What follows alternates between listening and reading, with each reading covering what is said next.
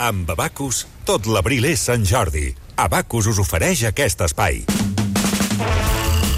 Ho estava dient ara l'Elisenda, ja sabeu que hom s'ha ofès pel gag, per mi divertidíssim, de la verge del Rocío a l'està passant, Manuel Valls, cavalca de nou.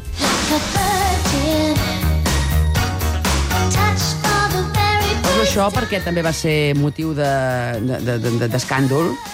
Diria que l'escriptor, l'humorista, el tragedista, aspira al gag total, és a dir, al gag que pugui ofendre tothom.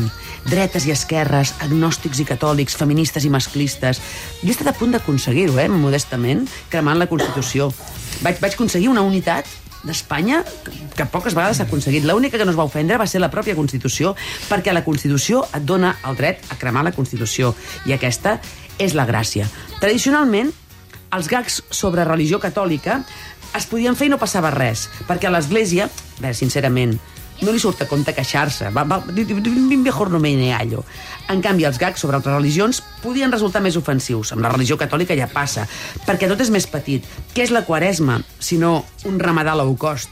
Què és el vel islàmic, sinó una mantellina low cost? O sigui, amb Buda no estaria bé fer body shaming. Però amb Sant Sebastià pot ser una mica de cosificació. Amb els jueus no estaria gens bé dir que porten extensions o rastes, però et pots burlar de la tonsura, que poca gent sap què és ja dels capellans. ¡No se puede aguantar! No se puede. Quin tractament, re- quin tractament rep? Excel·lència. Excel·lència? Jo què sé. Uh, Rocío, pues me llaman Rocío. Aquesta és la verge. vale, va, podrà ser. A mi l'actriu ser m'encanta No, pues mira, i no puc evitar riure molt quan la veig. Ara, En fi, la Setmana Santa, amb les verges, jo crec que és una celebració molt propera al paganisme, perquè ser devot de Sant Cristòfol, patró dels cotxes, és molt similar a ser devot del déu de la llar dels romans, i encomanar-se a Santa Rita pels impossibles és com encomanar-se a la deessa dels cereals per tenir bona collita. Dansa de la pluja versus processó a Montserrat. Tradicionalment, per Setmana Santa, faig un article burleta sobre la qüestió.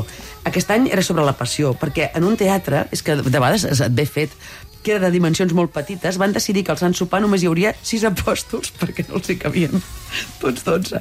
I clar, el gag està fet ja, perquè tu pots dir que per culpa de Miquel Àngel seuen tots en una banda de la taula i que posats a fer seria un pica-pica peu dret. Pots burlar-te, per exemple, del fet que tasten la sang de Crist i que pot haver-hi algun apòstol, per exemple, el Lluc, que remogui el calze i digui aquest vi s'ha d'obrir, jo el decantaria, i Marc, la copa és negra, que estem tastant a cegues. No m'ho diguis, això és sangre de toro. En fi. Cançó que podria ofendre sense voler. Perquè José Ángel, que canta Madre soy cristiano homosexual, no vol ofendre eh, a ningú. O aquesta altra. Res més irreverent que aquesta pel·lícula, que divertida. És diferent del que ens ocupa? Jo diria que sí per una qüestió. Aquí jo crec que no es parla, ho fem veure, eh? però crec que no es parla de verges i de religió. Es parla de catalans i andalusos d'Andalusia, no d'aquí. I qui en parla no són ni andalusos ni catalans, potser o no tots.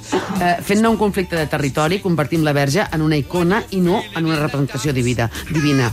Hi ha un acudit sobre el, el, el Sant Sopar que a mi em fa morir de riure, perquè els acudits són tots la situació. Et fa riure una situació molt solemne que de cop es trenca. És el Sant Sopar. Jesucrist, com tothom sap, diu avui un de vosaltres em trairà. I pregunta Lluc, seré jo mestre? I Jesucrist diu no, Lluc, tu no seràs. I diu Mateu, seré jo mestre? I Jesucrist diu no, Mateu, tu no seràs. I diu Marc, seré jo mestre? I diu, no, Marc, tu no seràs. I van repetint tots, fins que Judas diu, seré jo mestre. I Jesucrist diu, seré jo mestre, seré jo, gilipolles.